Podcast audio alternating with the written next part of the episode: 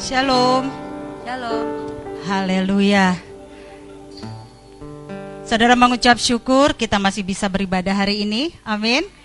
Buat yang di sini dan yang di rumah, kiranya damai sejahtera Tuhan dan sukacita Tuhan penuh atas hidupmu dan hidupku. Amin. Haleluya.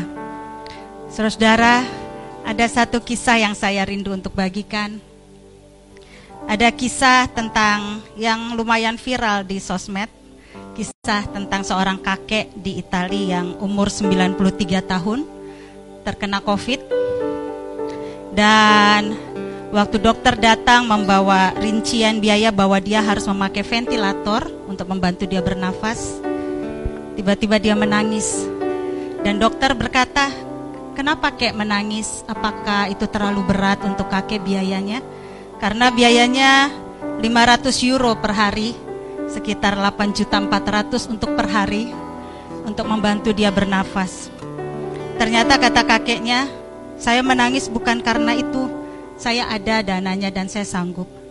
Tapi saya menangis karena ternyata selama 93 tahun saya hidup dan bernafas dengan gratis dari Tuhan, saya tidak pernah mengucapkan syukur.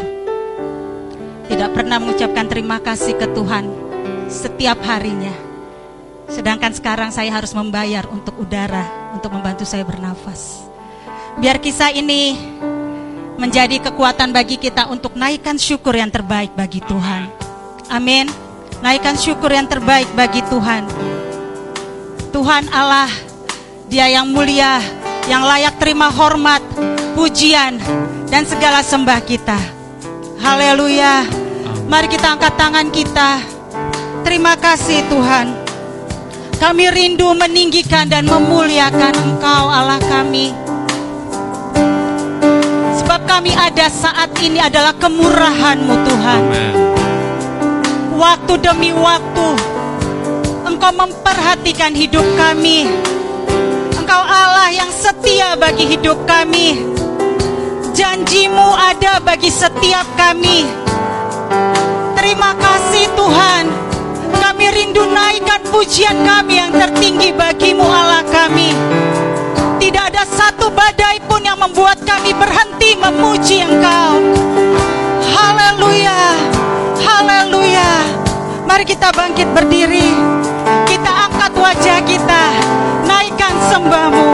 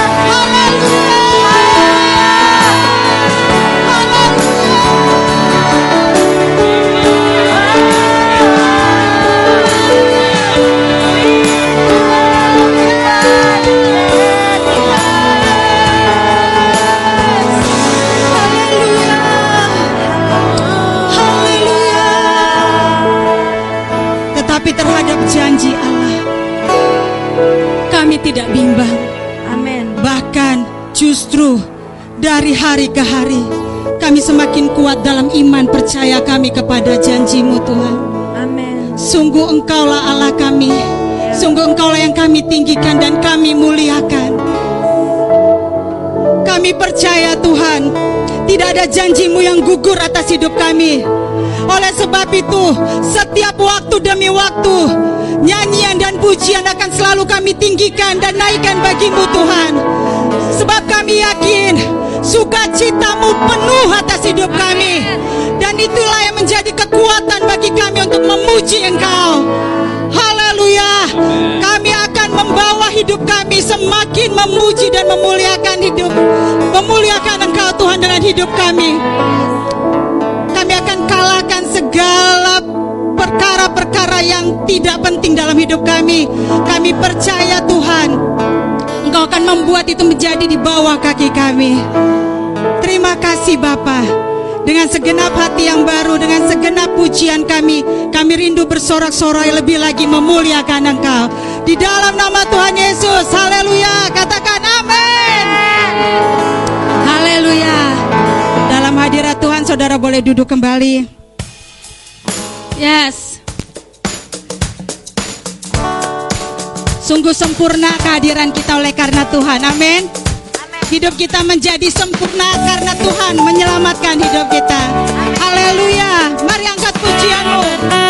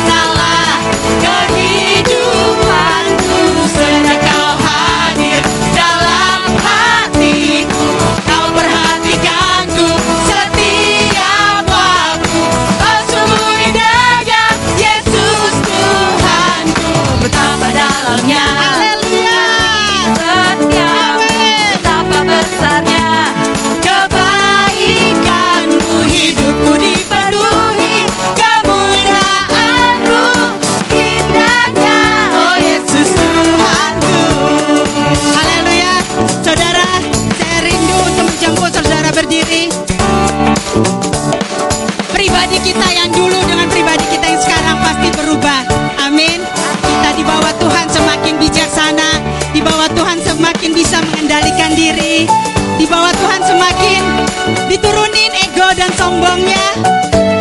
Sampai habis ya. Itu karena Tuhan bukan karena kekuatan kita. Amin. Ya, amin. amin. Sebab itu dikatakan sempurnalah hidupku Tuhan. Oleh karena kehadiranmu. Ya.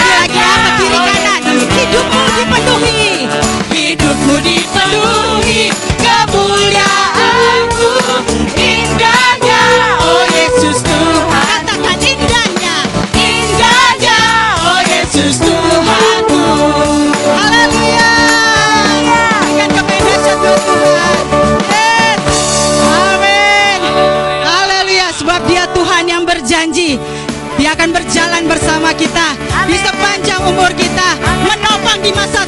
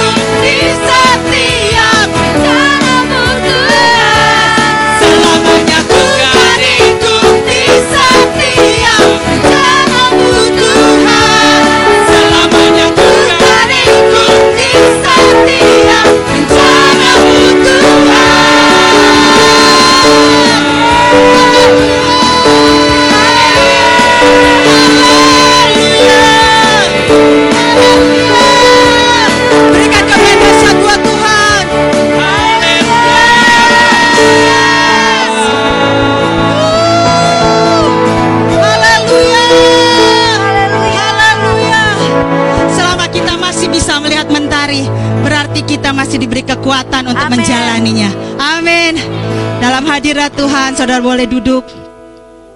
Haleluya. Terima kasih Tuhan. Terima kasih Bapa.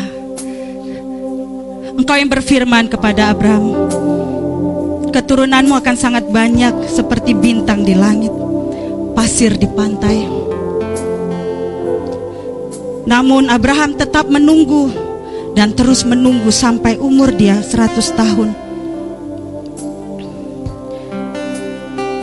Hatinya tidak gentar akan janji Tuhan yang sekalipun belum nampak atas hidupnya. Dia katakan, sekalipun badanku terbatas, tapi imanku semakin kuat dan sekalipun aku tidak akan pernah bimbang akan janji Tuhan. Haleluya. Dia Bapa yang setia. Dia Bapa yang setia. Haleluya.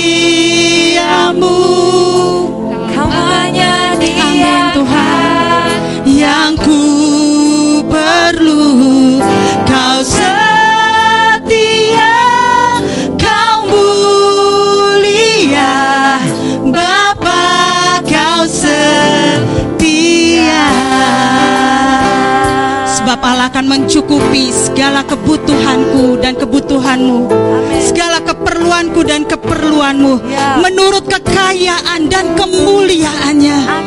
Haleluya. Mari kita bangkit berdiri. Bapa, kau setia.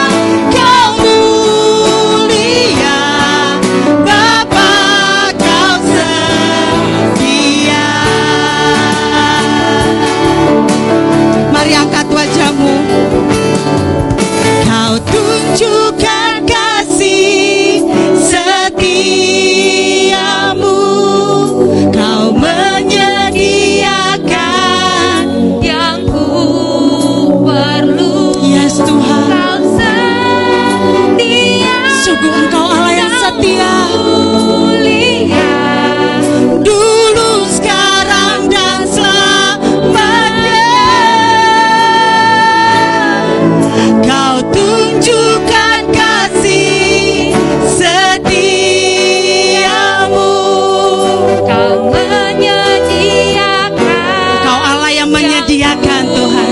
Engkau Allah yang menyediakan.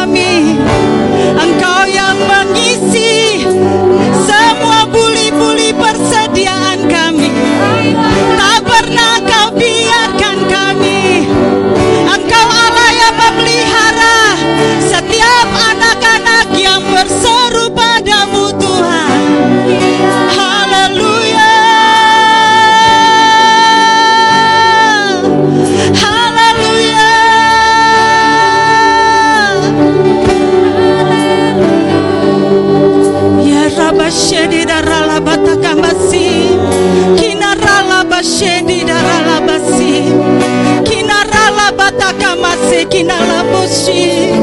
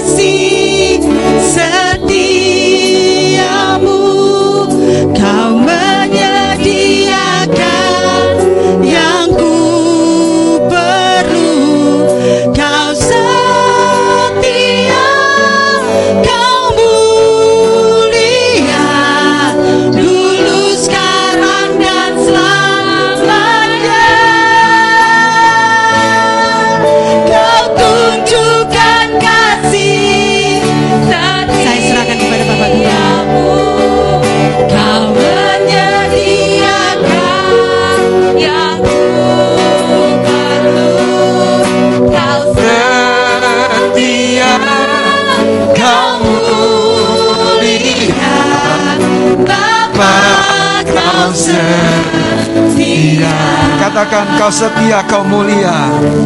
Kau setia Kau mulia. Bapa kau setia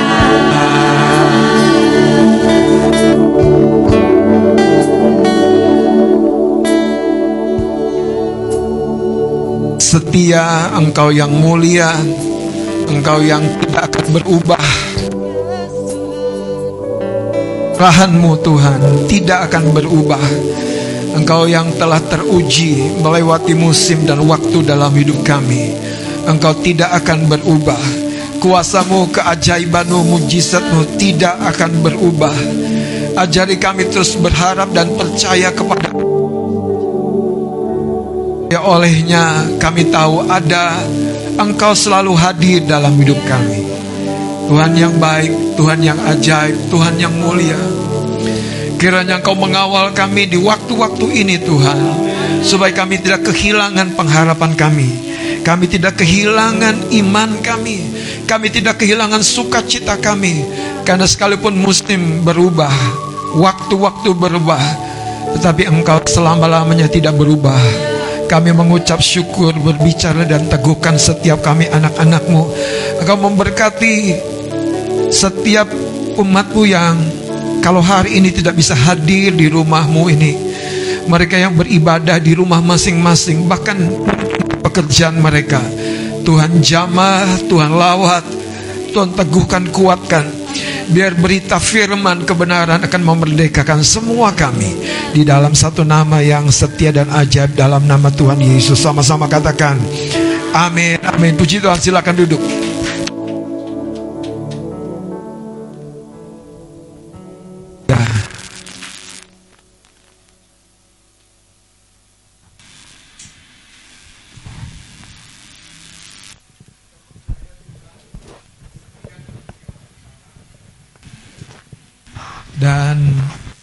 dia tidak akan bermain-main dengan kesetiaannya. Artinya kesetiaannya teruji, terbukti. Nah, pagi hari ini kita mau belajar dari Yakobus pasal yang pertama ayat yang ke-12.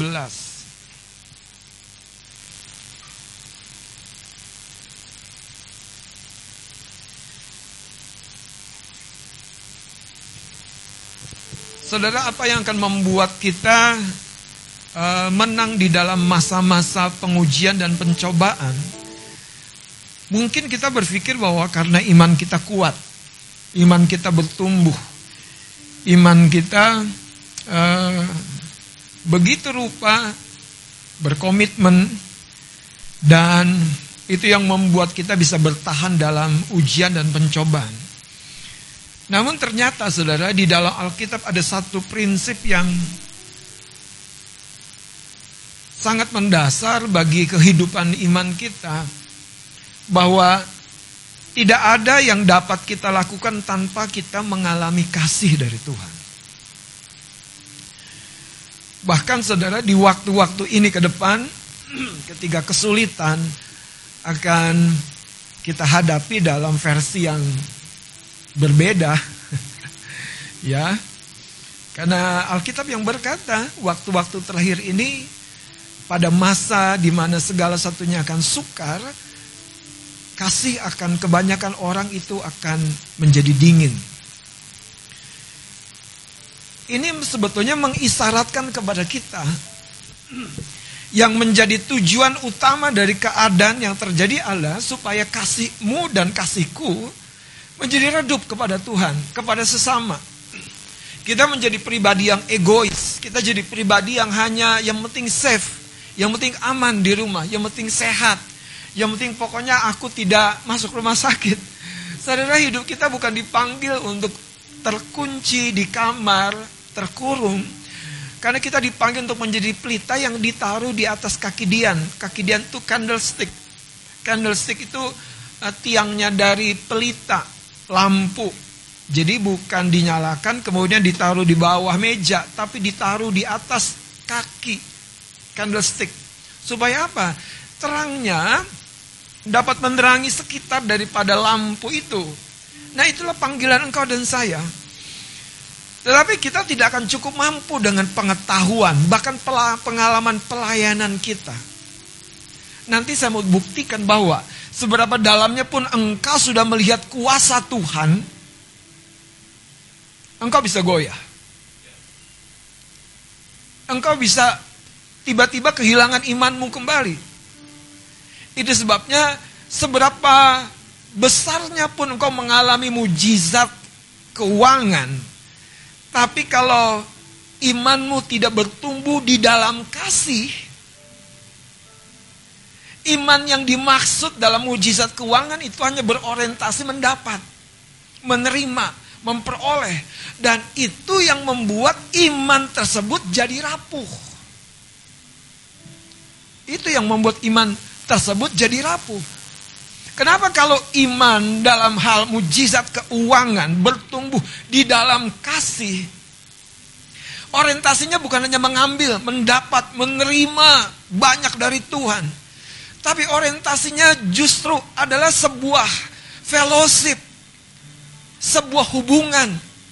Kita tahu kenapa kita diberkati untuk jadi berkat untuk jadi salurannya, untuk jadi perpanjangan tangannya. Itu bahkan yang membuat kita punya keberanian percaya yang lebih besar lagi untuk mengalami segala kelimpahannya. Supaya apa? Melalui hidup kita, kita mentransformasi keluarga kita. Kita mentransformasi lingkungan kita. Masyarakat kita. Jangan lupa saudara, kita bukan hanya kumpul tiap hari di rumah Allah Hari yang lain di tempat kerja. Kalau di tempat kerja engkau jadi orang yang pelit. Dan orang bertanya, eh jemaat di mana kamu? Di kemah pujian. Siapa pendetanya? Terdakwalah aku. Saudara, kalau ditanya, kita orang percaya, orang Kristen. Katanya orang Kristen hidup dalam kasih ya. Ya, haleluya. Makanya ada lagu gereja anak. K A S I H. Kasih kasih kasih. Benernya nggak enak ya? Kasih kasih kasih. Makanya itu yang saya bilang tergantung. Kadang-kadang ada ada memori yang salah di dalam diri kita saudara. Kasih kasih kasih. Habis dong Makanya guru gereja anak jangan ngajarnya separuh jalan ya. kasih, kasih, kasih. Habis dong kalau ditanya bisa jawab nggak? Iya ya, mana ya? Kasih, kasih, kasih, kasih, kasih, kasih, kasih terus. Kapan aku terima? Lihat, Yakobus pasal yang pertama ayat yang ke-12. Bertumbuh dalam kasih. Ya. Haleluya. Puji Tuhan.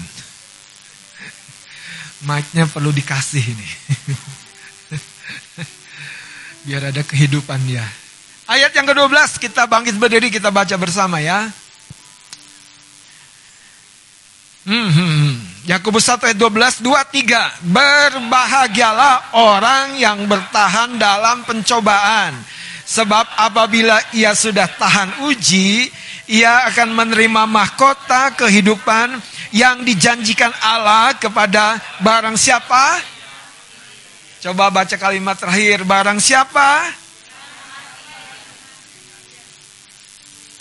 Pernah terbayang gak sih? Yang Tuhan cari barang siapa yang mengasihi dia. Jadi ada sebuah pesan yang begitu mendasar dari kehidupan kita. Kita dipanggil bukan untuk hebat, tapi kita dipanggil untuk mengasihi.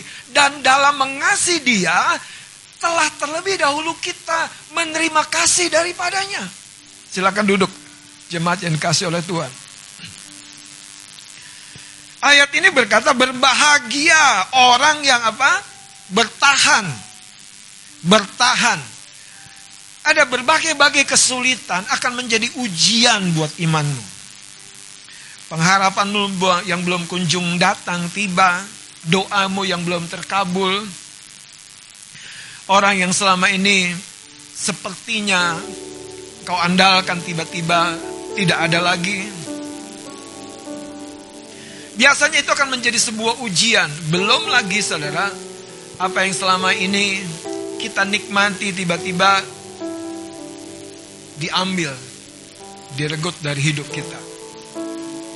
Mungkin kita akan bertanya, kenapa Tuhan? Kenapa Tuhan?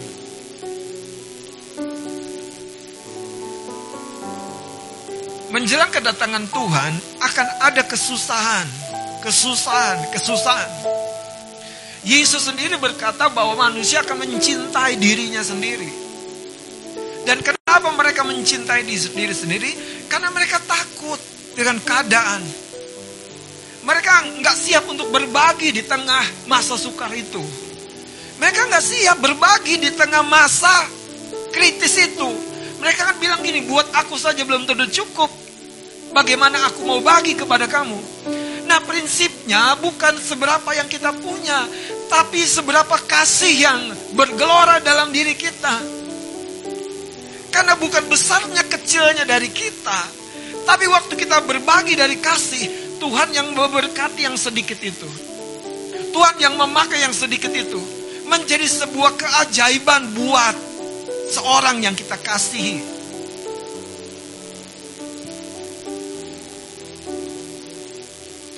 Satu ketika ada seorang bapak dengan putrinya yang masih remaja. Pada malam menjelang ulang tahun si putrinya ini, dia datang ke kamarnya.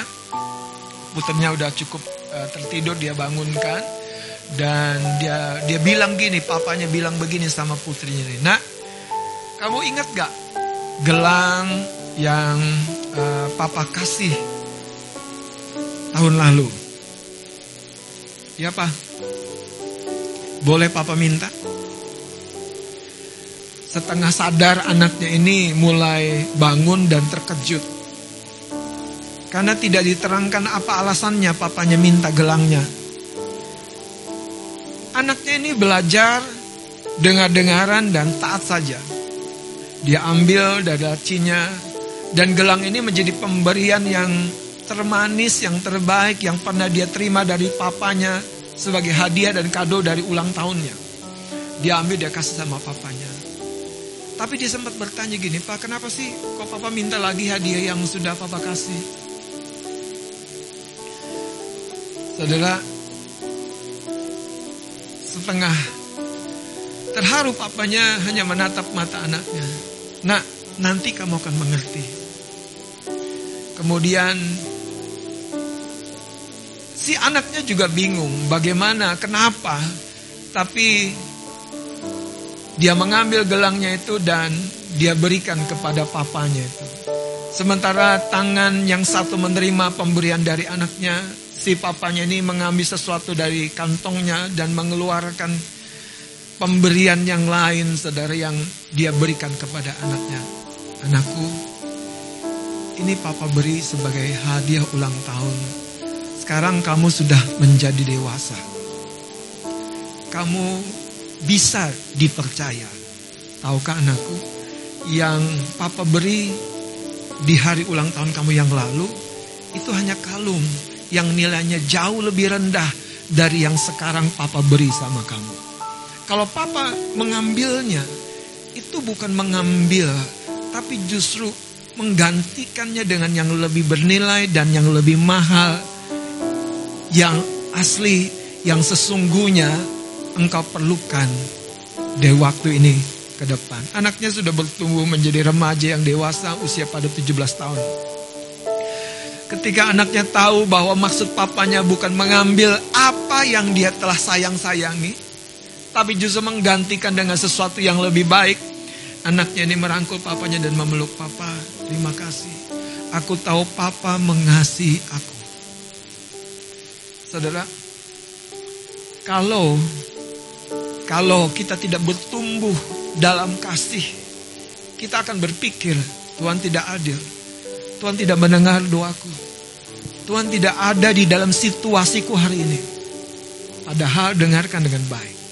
Seringkali, ini catat ya poinnya, sering kali Tuhan mengizinkan sesuatu yang sepertinya menghancurkan diri kita. Itu cuma ingin mengambil ego kita. Dan ketika ego kita kita serahkan, di situlah apa yang menahan hubungan kita dengan dia itu terbuka begitu lebar, begitu leluasa. Kenapa? Karena kita bukan lagi membangun sebuah hubungan dengan Tuhan, dengan Bapa yang mengasihi kita dengan sempurna memberikan putra yang tunggal Tuhan Yesus dengan hitung-hitungan. Kenapa aku hidup seperti ini ya?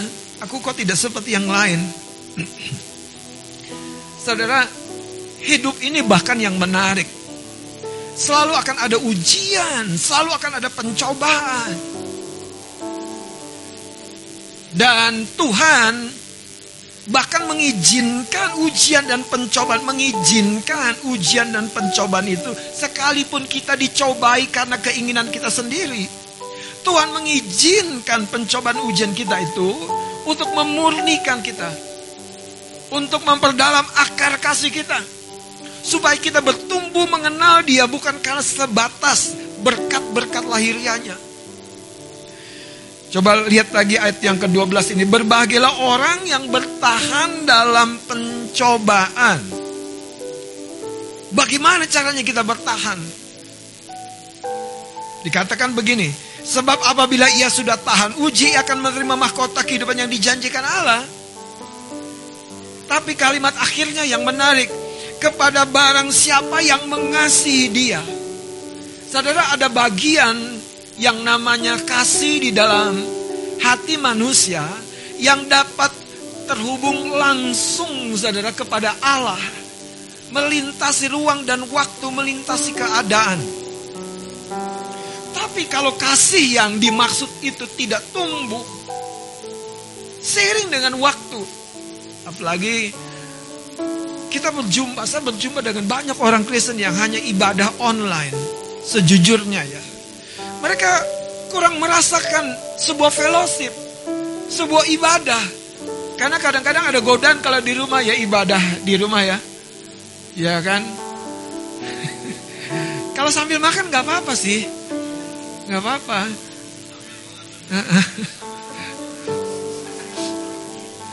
Cuman kalau sambil makan terus, nah itu yang masalah tuh. Sesekali it's okay. Cuman yang bahaya kadang-kadang saudara, kita sambil sandaran di bantal. Iya, sampai saudara dibantah, nikmati khotbah Pak Pendeta. Iya kan? Kayaknya kok khotbahnya Pak Pendeta begitu mendayu-dayu. Aduh, begitu indah, menenangkan hati yang galau ini dan kita bisa tertidur dengan lelap.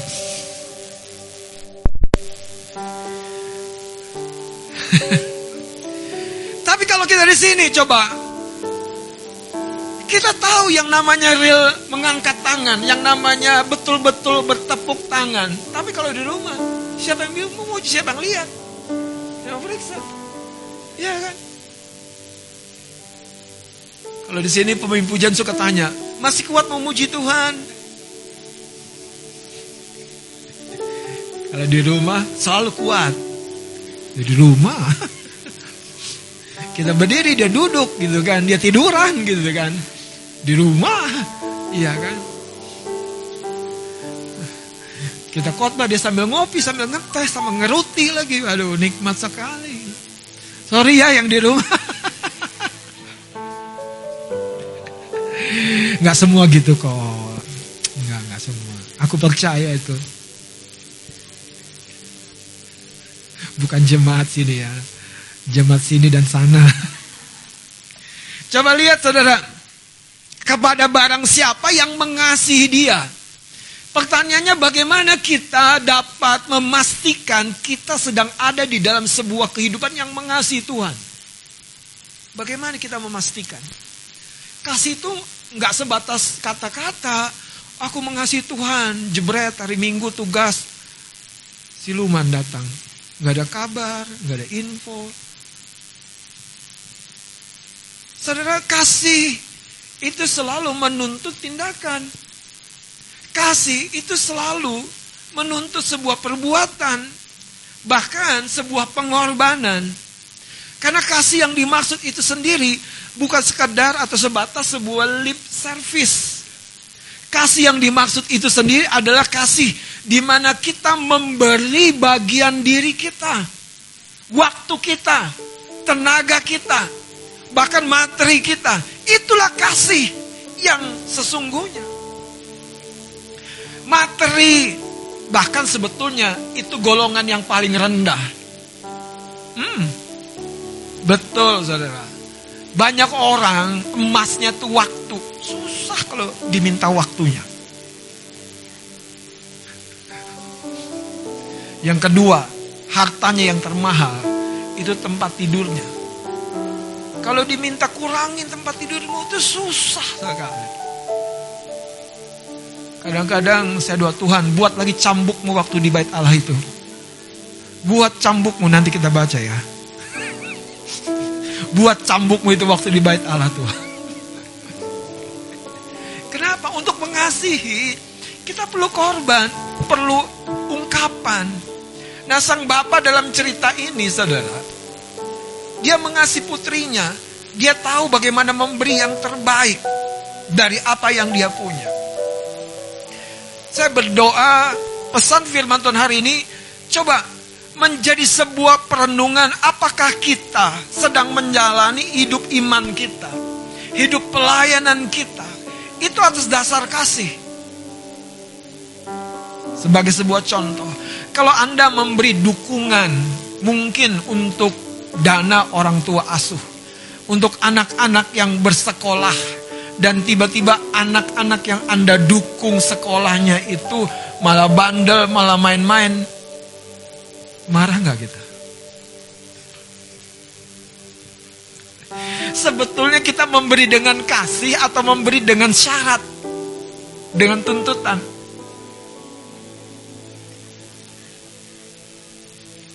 Dan kalau kita lihat anak yang kita dukung biar sekolahnya itu bahkan bolos dari sekolah, kita ngamuk-ngamuk. Kita rasanya yang punya hidup dia. Sekolah loh. Sekolah nggak? Diputusin ya biar sekolahnya. Ih. Itu manusia kadang-kadang begitu. Memberi. Makanya tangan yang satu harus disimpan. Nggak boleh ngatur-ngatur lagi. Jadilah orang yang mengasihi. Kalau kita tidak tumbuh ya dalam kasih yang dimaksud ini, akan tiba waktunya seperti Alkitab berkata, kasih kebanyakan orang akan dingin. Kita dituntut kerja ekstra. Itu susah dan berat. Kita akan memilih satu apa? Satu tempat yang paling aman dan paling nyaman yang namanya rumah. Akan tiba waktunya saudara. Mari kita lihat saudara, bahwa sesungguhnya Tuhan ingin supaya kita bertumbuh di dalam kasih. Katakan bertumbuh di dalam kasih. Hmm. Haleluya, haleluya. Kita buka Yohanes pasal yang ke 21 ayat yang ke-15. Tolong salah seorang baca Yohanes 21 ayat 15. Ya.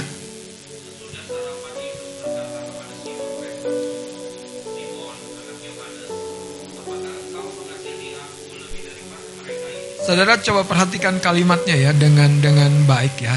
Sesudah sarapan. Jadi Yesus itu guru yang luar biasa menurut saya. Dia tahu dia akan jumpa dengan orang yang mengkhianati dia meninggalkan dia pada masa-masa di mana dia butuh dukungan ketika dia ditangkap di Taman Getsemani itu. Tapi Yesus yang menginisiatif acara gathering itu. Bahkan dia yang menyediakan sarapan pagi. Anda baca nggak ceritanya dengan lengkap? Jadi mereka menangkap ikan semalaman gak dapat ikan. Yesus sudah nunggu dengan arang dan api di pinggir pantai. Dan mereka nggak dapat apa-apa. Terus Yesus bilang gini, tebarkan jala. Dan mereka nangkap, dapat ke darat lagi. Dibilang bawa beberapa. Tetapi itu bawa beberapa bukan untuk dimasak. Karena Yesus sudah menyediakan lebih duluan. Nah setelah sarapan. Yesus nanya sama Petrus. Simon anak Yohanes. Apakah engkau mengasihi aku apa? Lebih anda Anda lihat bahwa Alkitab tidak menulis sembarangan dalam kalimat ini. Apakah engkau mengasihi aku kata Yesus lebih? Jadi Tuhan ingin kita tumbuh lebih. Tuhan ingin kita memiliki satu kesadaran bahwa kasih kita kepada Dia tumbuh. Itu yang membuat kita punya daya tahan dalam doa. Itu yang membuat kita punya daya tahan dalam menyembah baru kita punya daya tahan dalam penderitaan.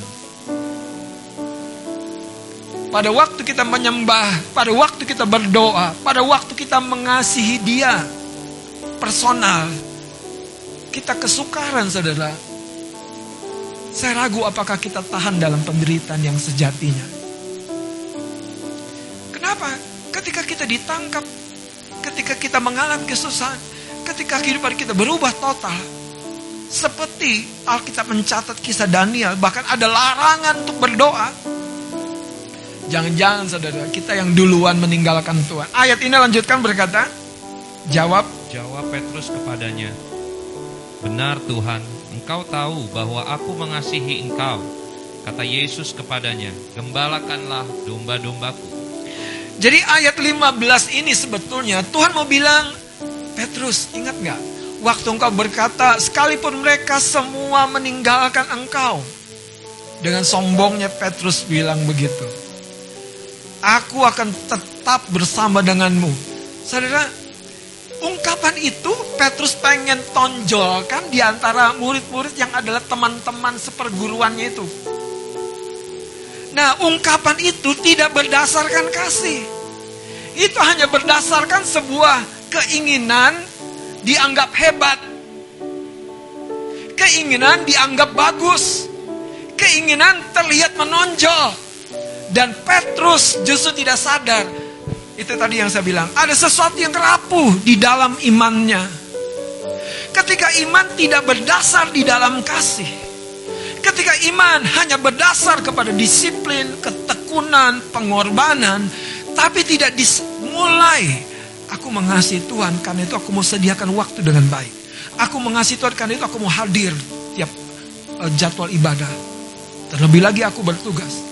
Aku mengasihi Tuhan karena itu aku mau lebih duluan mendoakan jemaat di gereja. Jadi ada dorongan, dorongan, dorongan, dorongan, dorongan yang datang itu dari hati yang mau mengasihi lebih. Makanya yang ditanya oleh Yesus kepada muridnya ini, coba perhatikan kembali. Simon anak Yohanes, apakah engkau mengasihi aku lebih daripada mereka ini? Saudara, setiap tugas ekstra bukan hanya membutuhkan keterampilan ekstra, tapi membutuhkan kasih yang ekstra. Kalau engkau tidak bertumbuh sungguh-sungguh dalam kasihmu kepada Tuhan satu kali, pelayanan justru akan menjadi sebuah beban yang meletihkan. Satu waktu, saudara, bahkan tugas dari Tuhan akan menjadi sebuah beban yang membuat engkau berkeluh kesah. Tapi kalau engkau bertumbuh makin dalam, makin berdasar di dalam kasih kita kepada Tuhan, saudara. Di sana engkau akan lihat, ini belum sebanding Tuhan. Ampuni kalau aku seolah-olah sudah terlalu berat menjalani ini. Engkau sudah menerima cambukan demi cambukan sebelum engkau diarak menuju kayu salib. Engkau sudah membiarkan, artinya itu menerima. Engkau sudah diludahi, diolok-olok supaya apa? Cara kematian Yesus itu adalah cara kematian yang memang terjadi supaya engkau dan saya mengalami apa yang firman Allah katakan. Ketika dicambuk robek seluruh tubuhnya genaplah Alkitab yang berkata oleh bilur-bilur Yesus kamu menjadi semua apa itu bilur? Luka remuk tubuhnya. Jadi kalau tubuh Yesus Yesus meronta dan dia menghindari setiap cambukan firman tidak akan pernah genap bahwa oleh luka-luka, oleh remuk seluruh tubuhnya, kamu menjadi sembuh. Tidak pernah akan tergenapi. Itu terjadi karena kasih Yesus yang tumbuh. Hari ini saya berdoa, saudara. Ada tantangan-tantangan ke depan, kecil besar. Kita mulai setiap hari. Kita akhiri setiap malam dengan berkata, How I love you. Betapa aku mengasihi engkau Tuhan. Tidak perlu engkau dihianati hari ini. Engkau dilupakan hari ini. Engkau tidak beruntung hari ini. Engkau mengalami bertubi-tubi kegagalan hari ini. Tapi malam itu ketika engkau menyembah Bapa, kau sempurna. Saudara, waktu engkau mengangkat tangan aja itu dari dalam hati itu akan mengalir bahwa kesempurnaan kasihnya tuh lebih jauh daripada hal-hal yang materi yang kelihatan. Karena kau akan sense, kau akan rasa jauh melampaui apa yang kelihatan, saudara. Bayangkanlah isi Ayub yang sudah begitu kecewa ketika kehidupan materinya porak-poranda. Yang pertama yang paling menyakitkan itu adalah anak-anak suami istri ini Ayub dengan istrinya itu meninggal. Itu yang paling pahit. Itu yang paling mengenaskan. Kalau bisnis hancur ya sudahlah. bisnis habis sudahlah. Ternak habis sudahlah. Tapi ketika anak-anaknya mati dalam satu peristiwa, orang akan goncang. Mungkin menurut saya itu bagian yang termahal yang dibangga-banggakan oleh istrinya Ayub. Dia lihat Ayub masih menahan mulutnya untuk tidak komplain, menahan mulutnya untuk tidak bersumpah serapah. Dia tidak bilang betapa sialnya aku. Dia tidak bilang ngomong semua negatif. Ayub menahan mulutnya. Dia berkata, Tuhan, darimu aku menerima. Engkau yang mengambil terpujilah nama Tuhan. Alkitab yang mencatat dalam kesemuanya itu Ayub tidak berbuat dosa. Target setan yang pertama itu adalah supaya mulut kita nih keluar semua, semua, semua, semua, semua, semua yang mensahkan bahwa sebetulnya engkau dan saya adalah orang-orang yang tidak tahu diuntung. Makanya saudara, di tengah krisis, apa yang menahan itu adalah kasih. Engkau tahu yang terlihat tidak mudah, tidak enak ini sementara saja. Sementara saja. Sementara saja. Maka kitab Yakobus berkata, bagi mereka yang mengasihi dia. Saudara coba lihat ayat 15 ini bagus sebetulnya. Ketika Tuhan bertanya lagi, bertanya lagi, dia mulai mempercayakan sesuatu yang sangat bernilai bagi seorang pemilik domba, yaitu apa? Dombanya. Dia mempercayakan domba gembalaan Yesus itu kepada muridnya, Petrus. Dia bilang gini, gembalakanlah domba-dombaku. Tuhan tidak menuntut kita melayani lebih daripada dia mencari kita, menarik kita ke hadiratnya. Dia mencari kita, membawa kita di pelukannya. Saudara, kasih harus kembali kepada kehidupan kita melampaui bahkan keterbatasan. Mari kita lihat beberapa ayat saudara. Yesus memperagakan bagaimana dia begitu mengasihi akan Allah dan Bapaknya. Ketika dia memasuki musim Paskah di Yerusalem dan dia menemukan rumah Allah rusak hancur. Bukan kenapa? Yang pertama, karena ada orang-orang yang berjualan. Yang kedua, dia tahu karena ada orang-orang yang membiarkan. Anda harus ngerti nih yang saya maksud. Siapa yang bertanggung jawab? Pembiaran itu sebenarnya dosa loh. Iya, dosa. Dan itu dosa orang-orang yang bertanggung jawab di bait Allah. Jadi bukan dosa si pedagang-pedagang lembu itu, saudara. Tuhan concern bahwa ternyata ada sindikat, ada orang-orang yang menarik keuntungan dari musim-musim perayaan. Diizinkannya mereka berjual. Nah, lihat dalam Yohanes pasal yang kedua, ayat yang ke-13. Yohanes pasal yang kedua ayat 13, Yesus menyucikan bait Allah. Saudara, bait Allah hari ini adalah hidup kita. Bait Allah adalah gereja kita. Bait Allah adalah apa yang Tuhan percayakan dalam pelayanan kita. Izinkan pesan ini mendarat di hati kita. Sehingga kita tahu Tuhan sedang membangkitkan kasih kita. Kasih yang membuat kita bisa ber, berbuat lebih. Berbuat lebih. Berbuat lebih. Sehingga namanya yang dipermuliakan. Ayat 13. Ketika hari raya pasca orang Yahudi sudah dekat, Yesus berangkat ke Yerusalem.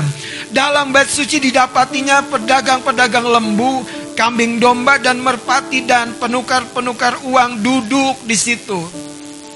Jadi ada sebuah setting arena. Itu membangkitkan kemarahan ternyata di hati Yesus. Ayat 15, ia membuat cambuk. Itu yang saya bilang. Tuhan buat cambuk lagi. Buat anak-anakmu ini. Karena aku tahu cambuk bukan untuk menyakiti. Tapi untuk menyampaikan sebuah pesan, anakku bangkit. Kalau engkau tidak mengasihi, kau akan habis dilindas dengan penderitaan, kesusahan, dan kesulitan. Roh dunia sedang bangkit begitu rupa, saudara. Deru perang terjadi kalau Soviet dengan Ukraina itu baru sebagian cerita tentang akhir zaman. Bagian. Lihat ayat ini berkata, mereka duduk di situ. Artinya seperti sebuah keadaan yang sudah disetting oleh orang yang harusnya bertanggung jawab. Ayat 15 ia membuat cambuk dari tali lalu mengusir mereka semua dari bait suci dengan semua kambing domba dan lembu mereka. Uang penukar-penukar dihamburkannya ke tanah dan meja-meja mereka dibalikannya. Kepada pedagang-pedagang berpatia berkata ambil semuanya dari sini ini dari sini. Jangan kamu membuat rumah Bapakku menjadi tempat berjualan. Berapa dalamnya kita punya beban Yesus punya beban bukan karena dia punya pengetahuan Yesus punya beban kepada bait Allah karena dia punya kasih. Tidak layak yang seperti ini. Lihat saudara ayat 17 yang kita baca sama-sama. Ayat 17. Maka teringatlah murid-muridnya bahwa ada tertulis. Cinta untuk rumahmu menghanguskan aku. Hari ini saudara, dengar. Tuhan mau menguatkan engkau dan saya. Bukan sebatas hal ketatan, Bukan sebatas apa pun yang rasanya engkau patut perjuangkan. Bukan sebatas apa pun yang rasanya engkau mampu kelola dengan baik. Pertanyaannya, apakah kita mampu mengelola kasih kita kepada Tuhan?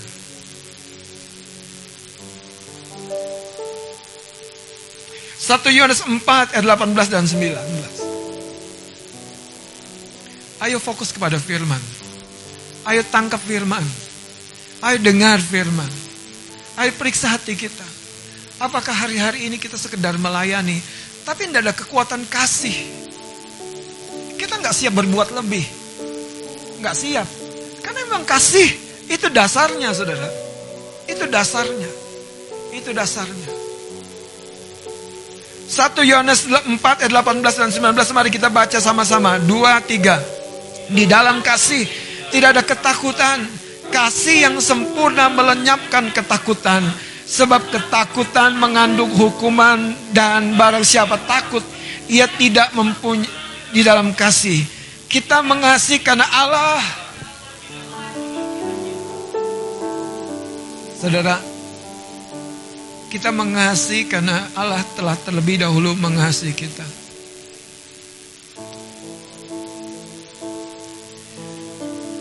Ketika berkali-kali, berkali-kali, berkali-kali iblis mencari cara membuat Ayub gagal.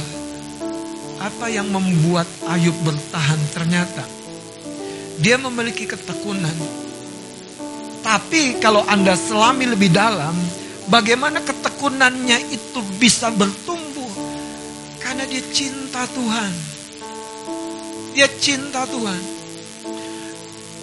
Kita nggak bisa cinta Tuhan tanpa menolak dunia. Gak bisa, gak bisa. Anda nggak bisa berkata gini, aku cinta Tuhan. Tapi tiap waktu Anda buka YouTube aja udah ketahuan seperti apa yang Anda buka.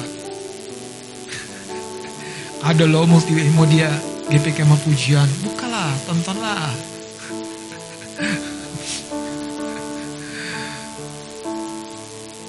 Saudara kita tidak bisa mencintai rumah Allah kalau kita terlalu mencintai rumah kita sendiri. Apa poinnya saudara? Tuhan ingin kita kembali kepada apa yang sebetulnya akan menguatkan kita di waktu-waktu terakhir ini. Membuat kita tahan dalam pengujian, pencobaan. Sadrak, Mesak, dan Abednego, tiga orang saksi Tuhan. Dia ada di negeri asing.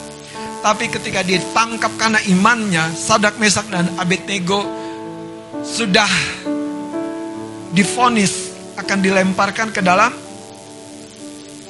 gua singa. Salah.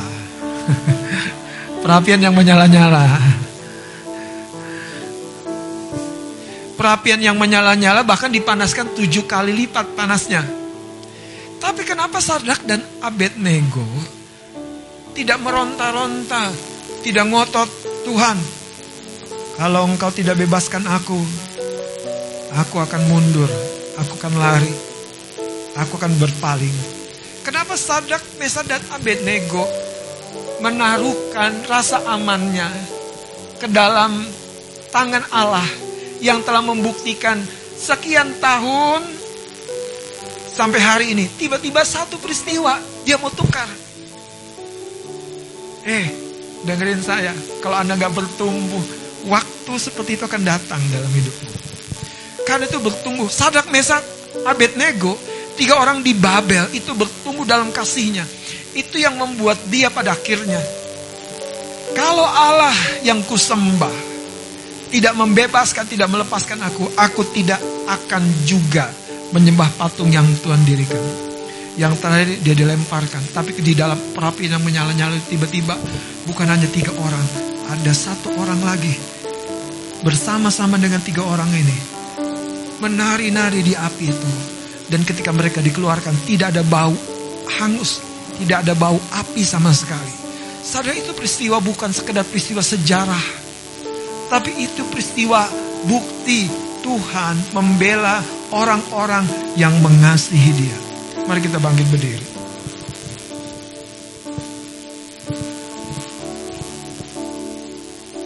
Engkau dan saya mengasihi Tuhan karena dia telah terlebih dahulu mengasihi kita. Apa yang Daud ajarkan supaya engkau dan saya tetap di dalam koridor kasihnya. Engkau tidak berjalan dalam kuat gagahnya. Daud berkata, ingat kasihnya. Ingat kebaikannya.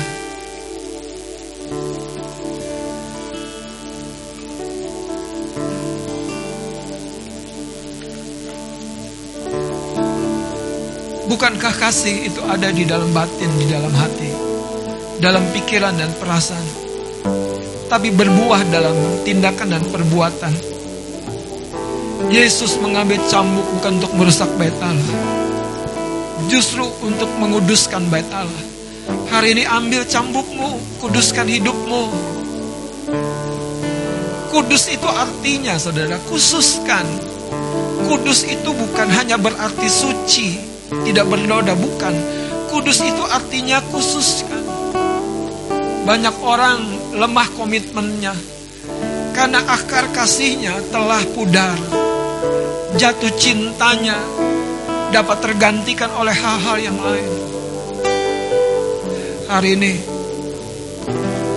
biarlah kasih Allah kembali menerima engkau yang gagal, saya yang gagal. Karena dia menerima kita bukan karena kita layak. Mari kita katakan ingat kasihnya, ingat kebaikannya. Ingat kasihnya, ingat kebaikannya dan anugerahnya. Selamatkanku sebab kasihnya setinggi langit. Kasih setia Allah pada kita. Besar, besar kasih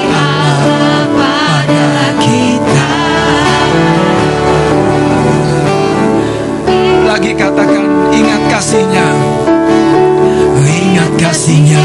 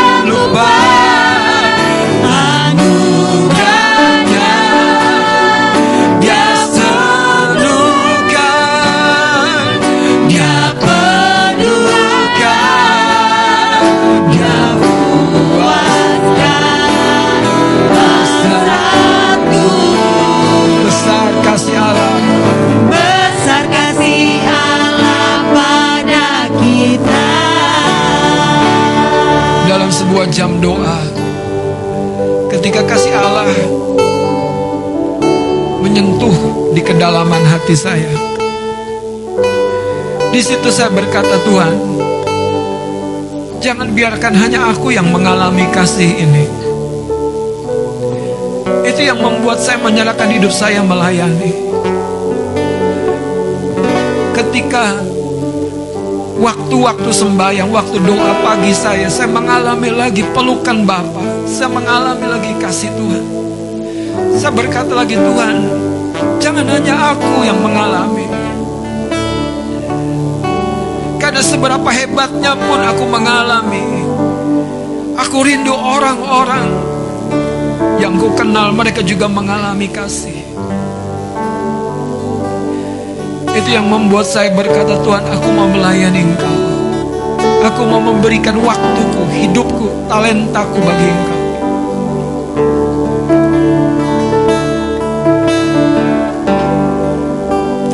Masa-masa perintisan gereja ini Kita ada pertemuan doa Rabu Dan waktu itu saya masih bekerja di Sebuah perusahaan di daerah Citerep Cibinong kalau hari Rabu itu menjadi hari peperangan, saya mencari cara untuk selalu datang duluan di pertemuan doa itu. Itu ketika saya masih remaja pemuda. Ada sebuah kasih yang tumbuh kepada jiwa-jiwa yang ada di sana.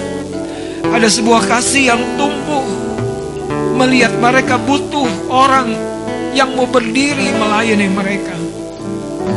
Kalau hari Rabu kadang-kadang saya berangkat jam 4 tank dari Citerep naik ojek ke pintu tol. Numpang mobil apa pun yang masuk ke tol itu ke arah Jakarta. Kalau ada yang mengizinkan saya numpang saya naik. Kalau tidak saya berupaya lagi. Saya lupakan siapa diri saya pikiran saya cuma satu saya bisa datang di pertemuan doa hari Rabu itu. Dan itu membentuk saya begitu lupa. Turun. Saya kejar ojek lagi saya naik lagi. Saya ingat hari itu saya berkata begini Tuhan. Kalau hari ini aku mengeluarkan ongkos yang terlalu mahal untuk hanya hadir di pertemuan doa hari Rabu. Toh itu juga aku terima dari engkau. Toh aku tahu satu hari semua yang kukeluarkan ini tidak akan sia-sia Satu malam saya pulang dari persekutuan yang biasanya dilakukan.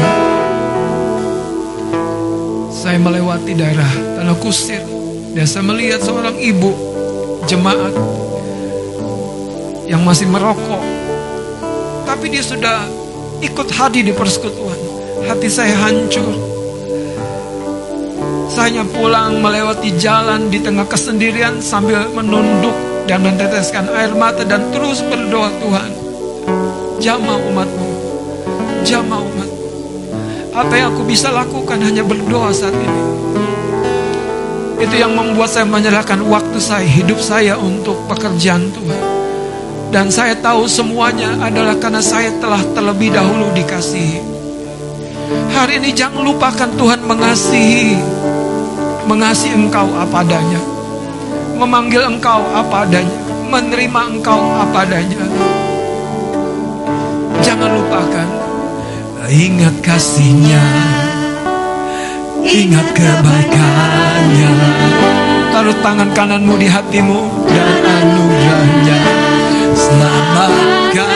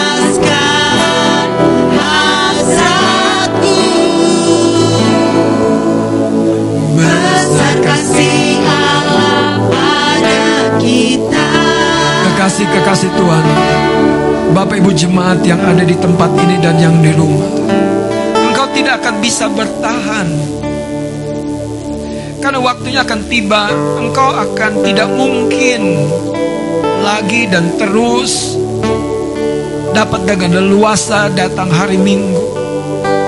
Tapi di sanalah komitmenmu akan diuji seperti kitab Yakobus berkata. Apakah engkau tetap mengasihi? Ya aku mengasihi Tuhan. Tapi Tuhan tahu aku gak bisa apa-apa. Saudara dengar.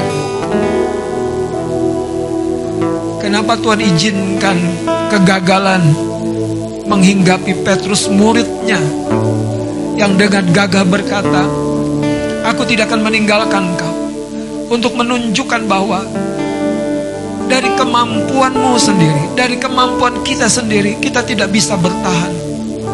Kita butuh hari ini merendah dan berkata Tuhan, banjiri aku dengan kasihmu. Kita butuh merendah dan memperbaharui komitmen kasih kita, ketekunan kasih kita, disiplin kasih kita. Bukan berbuat ini itu dalam pelayanan hanya sebatas tugas, tapi ada kasih yang sedang mengalir yang kiranya berbau harum kepada Tuhan. Siapa pun kita hari ini, ayo doa masing-masing di tempatmu. doa masing-masing di tempatmu. Akan tiba waktu-waktu ujian dan pencobaan. Tapi biarlah engkau bertahan kata Alkitab. Dan menerima mahkota kehidupan. Bagi mereka yang mengasihi dia. Bagaimana kau tahu engkau mengasihi Tuhan? Izinkan Tuhan hadir memperbaharui hidupmu, mengganti yang rapuh.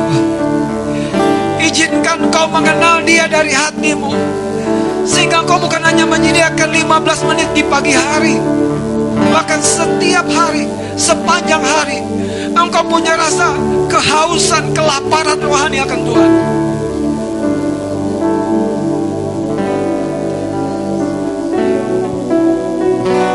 Itulah kasih. Bagaimana kau dapat mendefinisikan kasih kepada seorang yang kau kasih? Kalau engkau hanya ikuti aturannya, boleh datang sekali seminggu, sekali sebulan. Saudara, kasih akan melampaui semua itu. Karena sesungguhnya ada sebuah detak kehidupan yang membuat Yesus datang ke bait Allah dan menyatakan kasihnya kepada Bapa melalui rumahnya. Ambil waktu, katakan Tuhan, ubah aku, ubah aku, penuhi aku dengan kasihmu.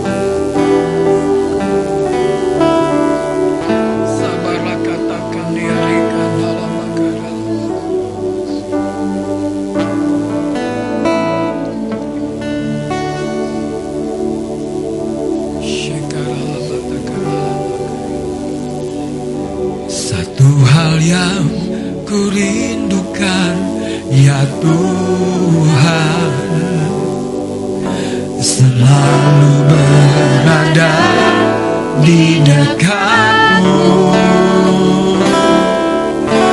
Dengan segenap hati Dengan segenap jiwa Ku menanti di hadiratmu.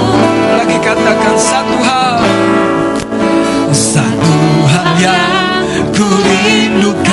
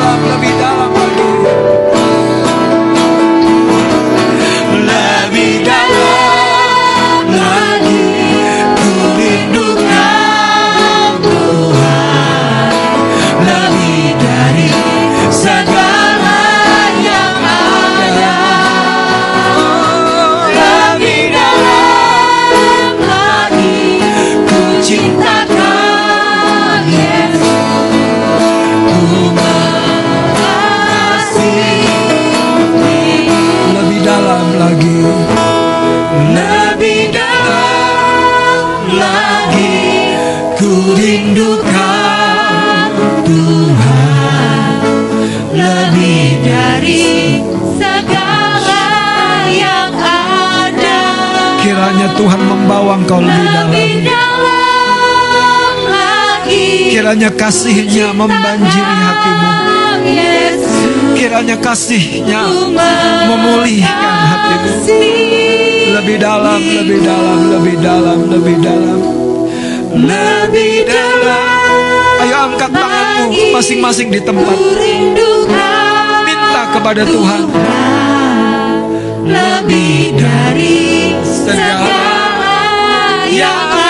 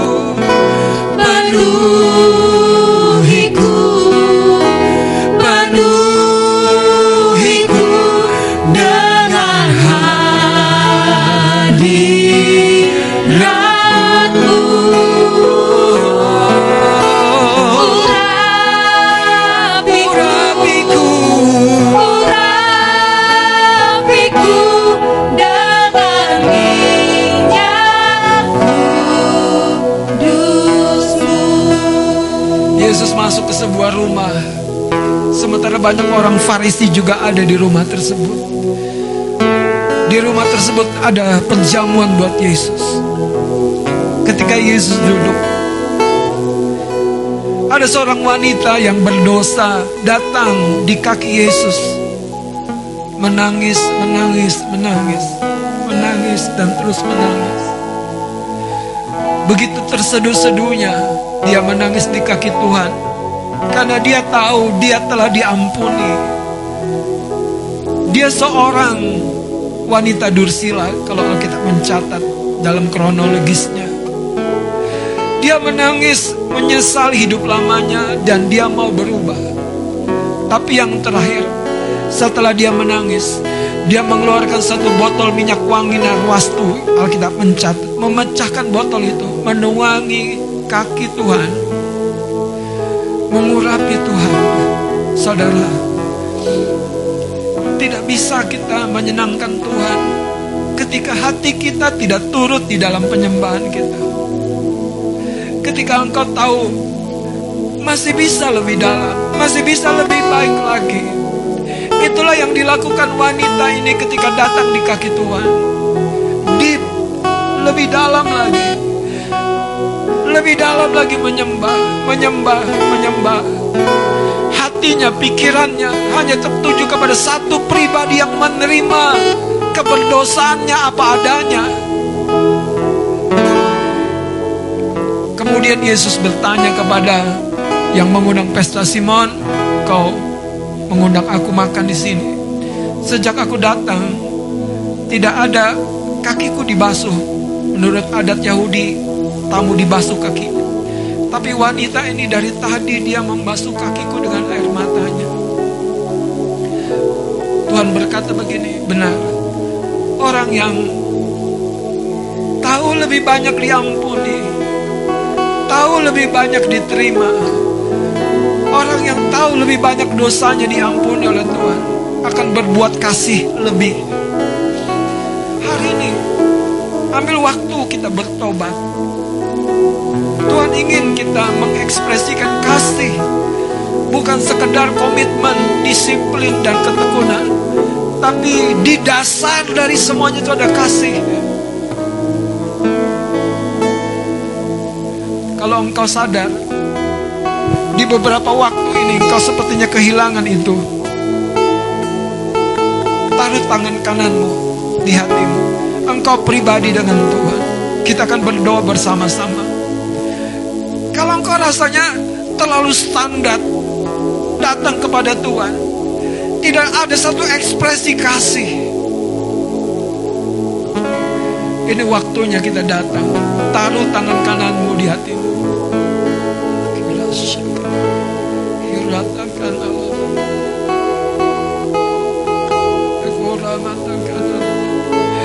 Kialalabaya shende na imaratakan alamana. Naikarobasan oramana. Yaralamana rasekerele kaya mama mama mama ya rasanda lamakaya. Biar kasih Allah memenuhi kembali hatimu. Biar kasih Allah bahkan membanjiri hatimu. Biar kasih Allah meluap-luap dari mata air di dalam hatimu. Kasih yang menerima engkau apa adanya. Kasih yang mengampuni kita. Kasih yang mengampuni engkau. Kasih yang menerima engkau menjadi anaknya. Menjadi putranya, menjadi putrinya. Kasih yang hanya sebatas merancangkan yang baik. Tidak ada yang buruk. Kasih Allah yang telah dinyatakan pagi hari ini di mana pun kau berada dalam keadaan apa pun ketika engkau ingat kasihnya engkau tidak akan menyerah. Engkau tidak akan menyerah. Engkau tahu dia setia dia sempurna. Hari ini dengan tangan kananmu di dadamu di hatimu. Biarkan kasih Allah menyegarkan kembali memenuhi kembali hatimu. Syakakat Anak-anak muda, engkau tidak lagi terikat dengan berbagai-bagai hal di dunia ini. Engkau hanya terpaut dan terikat kepada Tuhanmu yang mengajarimu cara hidup yang berkenan kepadanya, cara hidup yang memuliakannya, cara hidup seorang penyembah. Hari ini aku berdoa biar kasih Allah mengalir, membanjiri hatimu di dalam nama Yesus Kristus segala bentuk daya tarik dunia yang mempesona, yang menarik engkau, yang mengikat dan menghalangi engkau untuk mengasihi Tuhan. Apa pun yang berasal dari dunia, hari ini diputuskan dalam nama Yesus, dilepaskan dalam nama Yesus. Biar kasih Allah kembali meluap-luap mengalir di hatimu dalam nama Yesus Kristus. Korabatakana ya basekana ne makarata korabasekana kiara sekara la badara la badara la badara la badara. Kiara sekana mama baba baba baba kira sandoro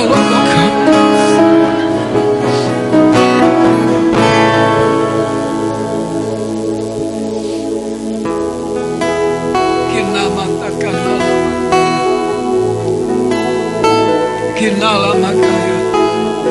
Hirasandora mata koria la hiana mastele kiara Shikara la badara la badara la baya shekene me kiara la badara la badara Ora mata kanala mina ikai nai mai gaya nama. Iarina ikai maria la la Orlina lokai baraseke ne marakataka lei kaloma babali bakolashe la lokadina mokara haraseke ne. Lida bakanda la manina ikaina rase yakara la baba baba bayara la bayasheke ne la mokoro boshende nikala bakayala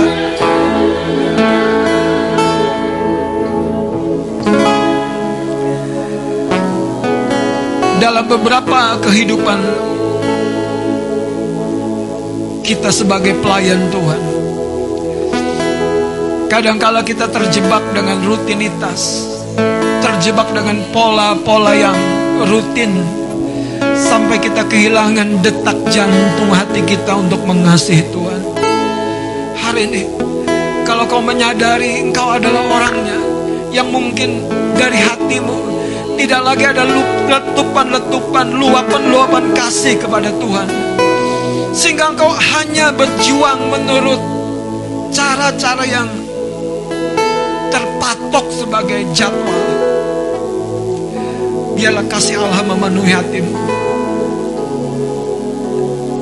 Biarlah kasih Allah memenuhi hatimu. Engkau akan jadi sensitif dengan apa yang baik, yang memperkenan hati Tuhan. Kinamatakan Allah.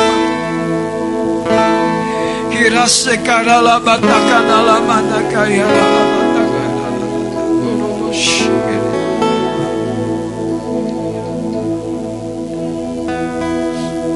Terima kasih Tuhan, terima kasih. Lagi katakan penuhi, penuhiku, penuhiku. dengan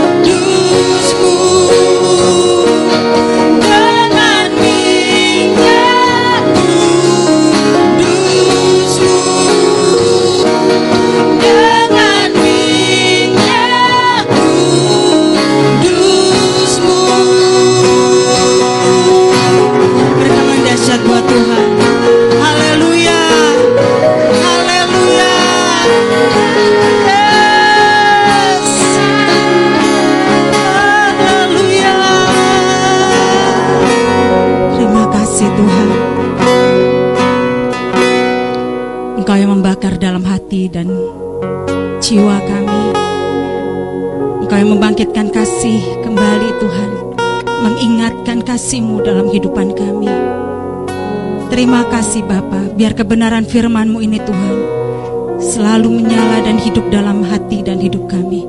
Di dalam nama Tuhan Yesus. Haleluya, amin. Dalam hadirat Tuhan, saudara kembali duduk. Haleluya. Saudara disiarkan oleh firman Tuhan, amin.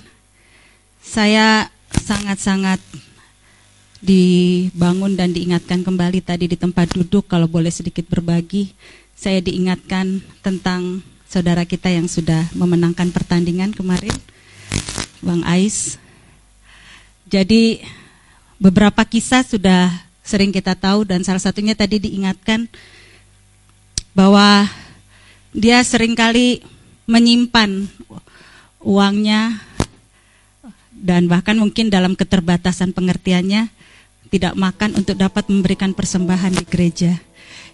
Dan itu tidak mungkin terlihat dengan kita semua mata kita, tapi itu hanya kasih Tuhan yang menggerakkan dia. Ada kasih Tuhan yang begitu besar sehingga dia bisa melakukan itu. dan saya sangat dibangun kadang juga di kelompok kecil ketika kami membahas kemarin. Jadi beberapa sering kita dijajanin kacang ya sama Bang Ais. Itu dia pernah bilang dia hanya ingin melihat senyum di wajah Opung Tampu. Itu kalau nggak kasih Tuhan yang begitu besar sehingga dia mengasihi Opung Tampu, itu nggak akan terjadi. Walaupun dengan keterbatasan uang yang ada dipegang. Biar itu membangkitkan kita kembali melalui kebenaran firman Tuhan. Meletupkan kembali kasih kita kepada Tuhan. Amin. Amin. Baik.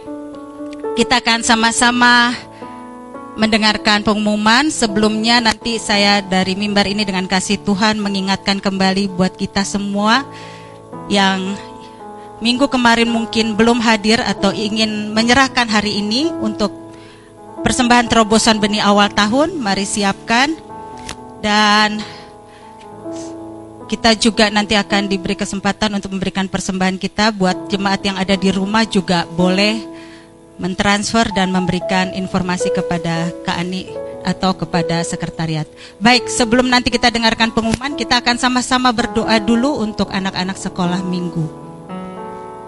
Jika ada anak-anak sekolah minggu mungkin yang di gereja, Bapak Ibu yang di rumah boleh menyiapkan anak-anaknya dan mendampingi mereka ketika nanti kita akan berdoa bersama Bapak Gembala. Haleluya. Ini member tetap ya.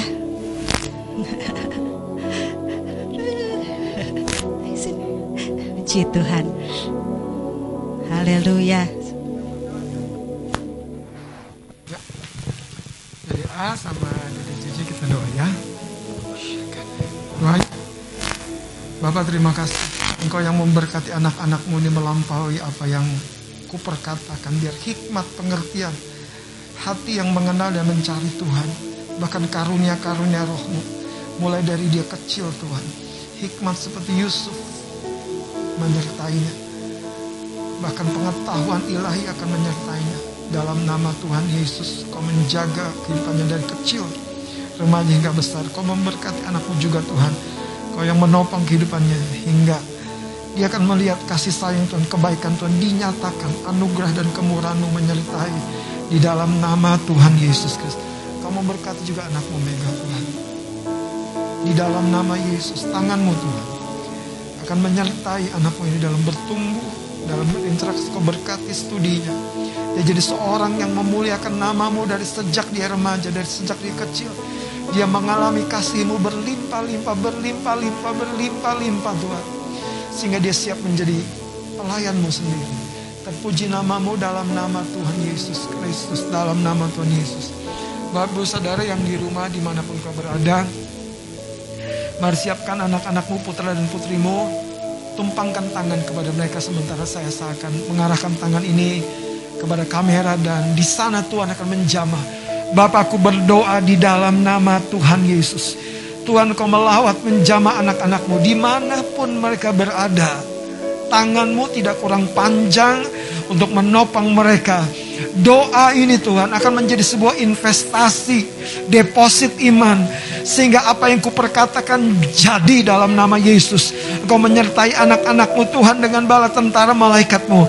Apa pun proses studi yang hari-hari ini berubah-ubah online dan tatap muka oleh tatap muka tapi engkau menyertai sehingga tidak ada satu anak-anak pun kehilangan gairah mereka untuk belajar. Aku melepaskan berkat ini menopang mereka. Hikmat akal budi hikmat Daniel menyertai mereka di dalam nama Yesus. Tuhan memberikan hati yang mengasihi engkau Tuhan sehingga dari sejak mereka kecil mereka akan mengalami kehadiran Tuhan dalam kehidupan mereka. Terpuji namamu berkati seluruh orang tua yang kau percayakan dengan kesanggupan daripadamu mereka memberkati, membimbing, mengelola anak-anak mereka menurut maksud dan rencanamu. Kami mengucap syukur Bapa. Terima kasih di dalam nama Tuhan Yesus Kristus kami berdoa. Amin. Amin.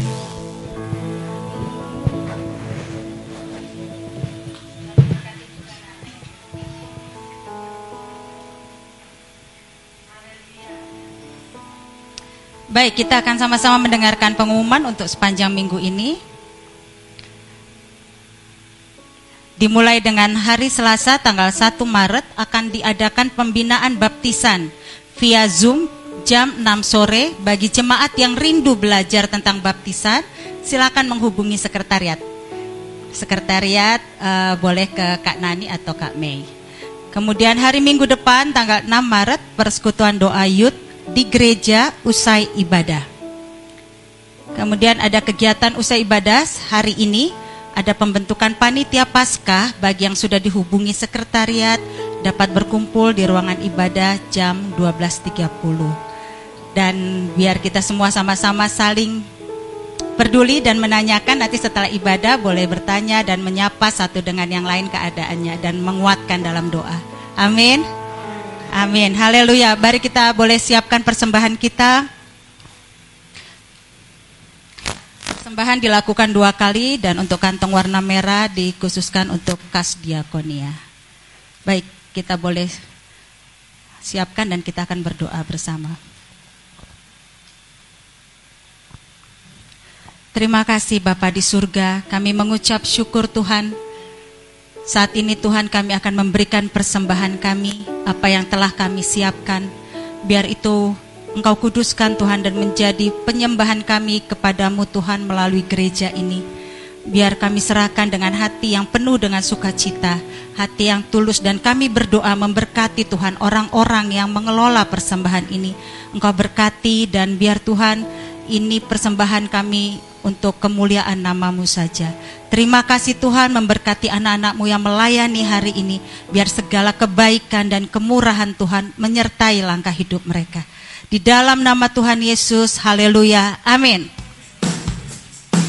Kita akan mengangkat pujian Allah itu bagi kita.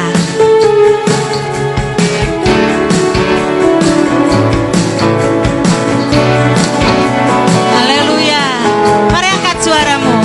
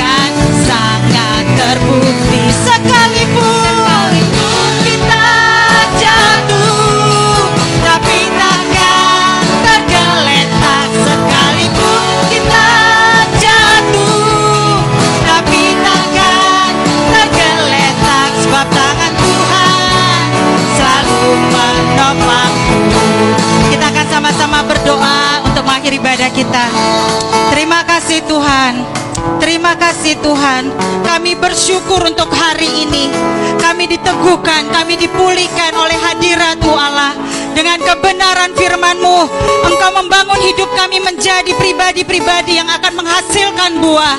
Terima kasih Tuhan.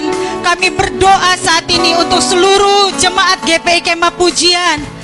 Semua Tuhan anak-anakmu tidak terlepaskan satupun.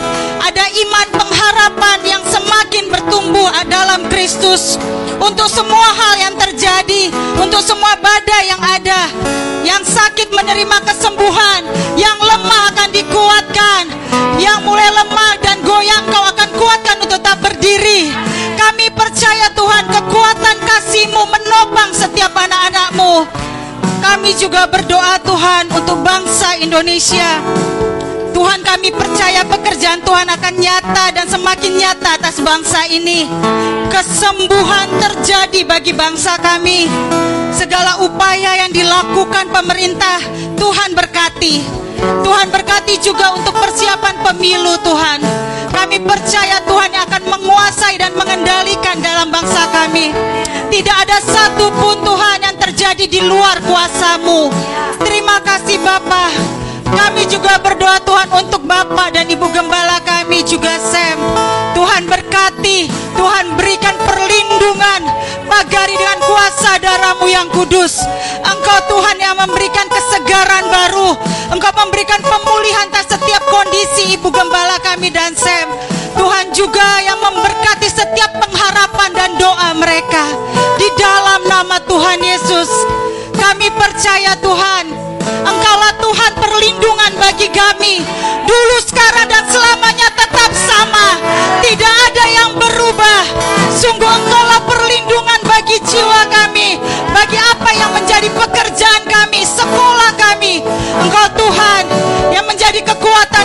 bagi kami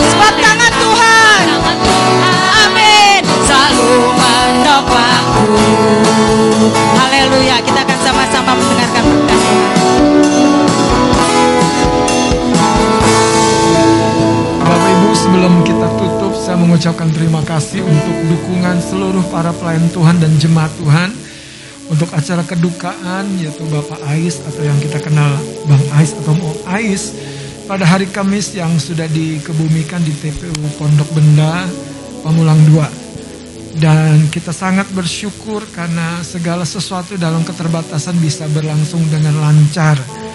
Dan para pelayan Tuhan jemaat Tuhan bisa hadir memberikan dukungan dan kiranya ini menjadi sebuah deklarasi di alam rohani ini bahwa Tuhan tidak pernah melupakan. Sekalipun Bang Ais itu sampai hari ini kita nggak tahu keluarganya di mana. Kita nggak tahu mungkin di Ambon atau di mana. Tapi kita telah menunjukkan bahwa kita adalah keluarga. Dengan hadir dengan sekian waktu sekian bulan dalam pada waktu dia mulai sakit di rumah sakit di ICU dan kita berjuang begitu rupa yang saya mau sampaikan adalah Tuhan yang akan membalas semua pengorbanan teman-teman semua ya. Tidak satupun luput dari perhitungan Tuhan. Itulah dia. Dia Tuhan.